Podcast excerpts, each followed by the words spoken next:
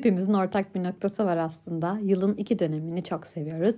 Yaza merhabaları ve yeni yıl zamanlarını. İtiraf ediyorum 2022'nin bittiğine gerçekten çok seviniyorum arkadaşlar. Çünkü bu kadar iki bir yıla fazla.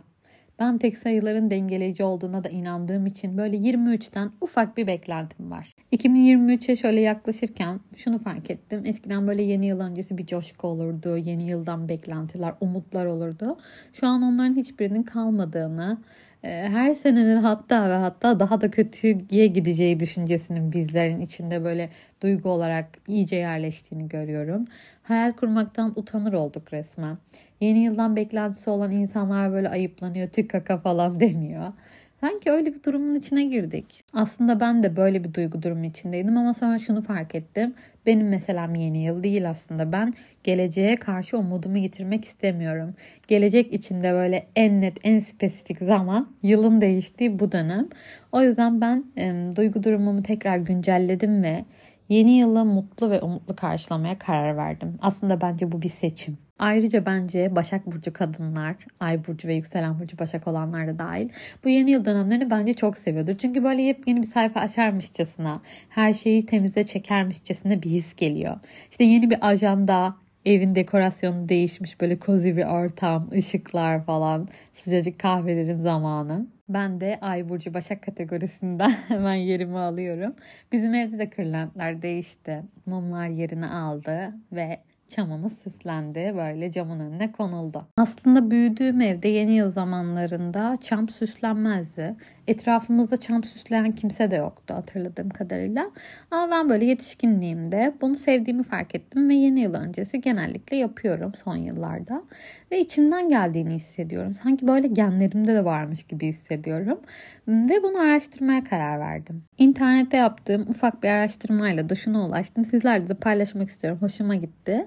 Orta Asya Türk toplumları 21 Aralık'ı yılın son günü olarak kabul ediyorlarmış.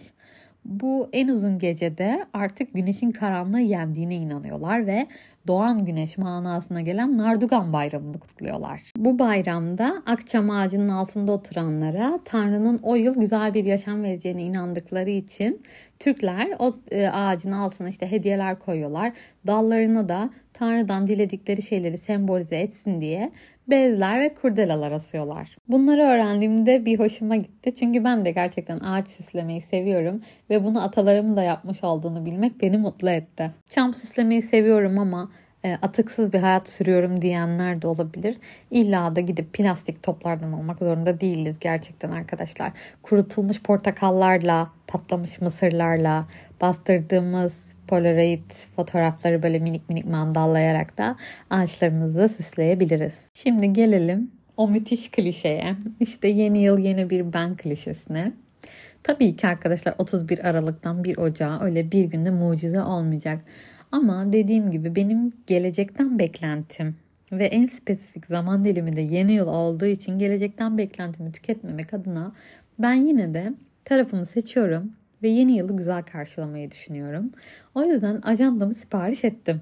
Genellikle yılın ilk yarısı büyük bir hevesle dolduruyorum. Sonra işte yaz tatili giriyor, seyahatler vesaire. Aman şimdi onu kim yazacak derken o ajandanın ikinci yarısı bomboş kalıyor. Birçoğumuzun da böyle olduğunu tahmin ediyorum.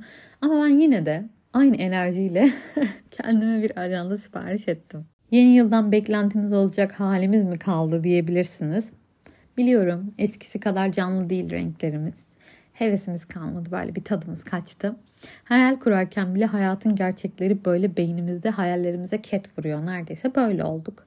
Ama belki kendimizde yaratacağımız ufacık bir duygu durum değişimi kelebek etkisi yapacaktır. Ve çevremizdeki insanlara da böyle bir olumlu enerji dalgası olarak yayılacaktır. Bundan bir zarar geleceğini düşünmüyorum. Olumsuzluk, kasvet, karanlık bence bunları seçmek daha kolay. Hepimizin, herkesin yani bir şeylerden şikayet ettiği şu günlerde biz de o yoldan gidebiliriz. Bence bu çok kolay olurdu. Önemli olan şimdi dik durabilmek. Şimdi hala ümitlerimizi koruyabilmek. Aynı hevesle, aynı emekleri verebileceğimiz bir yıla merhaba diyebilmek. Hem astrolog Elvan ne diyor dinlediniz mi? 2023 mücadele edenlerin kazanacağı bir yıl diyor. Yani bence bu önemli. Burada bir anekdot var. Mücadele edenlerin kazanacağı bir yıl. O yüzden ben kendime e, birkaç yıldır yapmayı bıraktığım o hedefler listesini yeniden yaptım. Vazgeçmeyeceğim ben ya. Gerçekten bundan vazgeçmeyeceğim. Beni dinleyenlerin birçoğunun da e, benim kafa yapıma sahip olduğunu düşünüyorum. Eminim sizlerin de içinde birçoğunuz bu listeleri eskiden yapıyordunuz. Artık yapmayı bıraktınız. Bir hevesiniz kaçtı farkındayım. O maddi listeleri biraz kenara bırakıp belki biraz daha içimize döndüğümüz ufak bir liste yapabiliriz. Ben kendi maddelerimden birazcık bahsedeceğim. Belki size de ilham verir. İzahı olmayan şeyin mizahı olur demişler.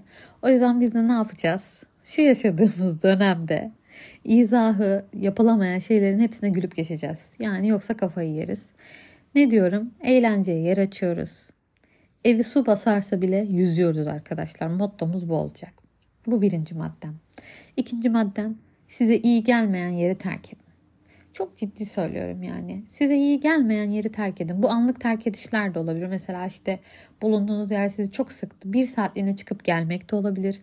O evden, o sizin ruhunuzu daraltan evden taşınmak da olabilir. Ya da işinizle ilgili değişiklikler olabilir. Burada bol keseden atıp istifa edin demeyeceğim tabii ki. Öyle videolar çok. İşte kurumsal hayatı bıraktım. Ya çok çok kolay da öyle konuşmak. Ben o videoların da hepsine buradan karşı olduğumu söylemek istiyorum. Birçok insana kendi backgroundlarını anlatmadan kurumsal hayatı bıraktım videosu çeken insanlar var. Ee, finansal açıdan çok güçlü insanlar bunlar. Ama bu videoları çektikleri zaman 5 kuruşsuz insanlara bir anda istifa ettirebiliyorlar influence edip bunun farkında değiller bence. Sanırım tansiyonu biraz yükselttim. Hemen madde 3'e geçiyorum. Seyahatler. Bu yılki kısa veya uzun seyahatlerimi yılın başında planlamayı düşünüyorum. Başında planlayayım ki bütün yıl motive olayım istiyorum. Belirsiz bir şekilde kışı bitirmek istemiyorum. Dördüncü maddem aile ilişkilerimi her şeyin önüne koymak ve bolca anı biriktirmek. Bu aslında bir numarada da olabilirdi. Ama çok klişe bulursunuz diye böyle biraz gerilere attım.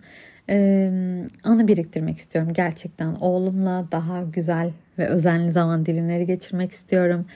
Ee, onunla paylaşımımın artacağı zamanlar oluşturmak istiyorum. Bana değer katacak uygulamaları telefonuma artık yüklemek istiyorum. Örneğin yani benim için Storytel'i artık daha düzenli kullanmaya karar verdim diyebilirim.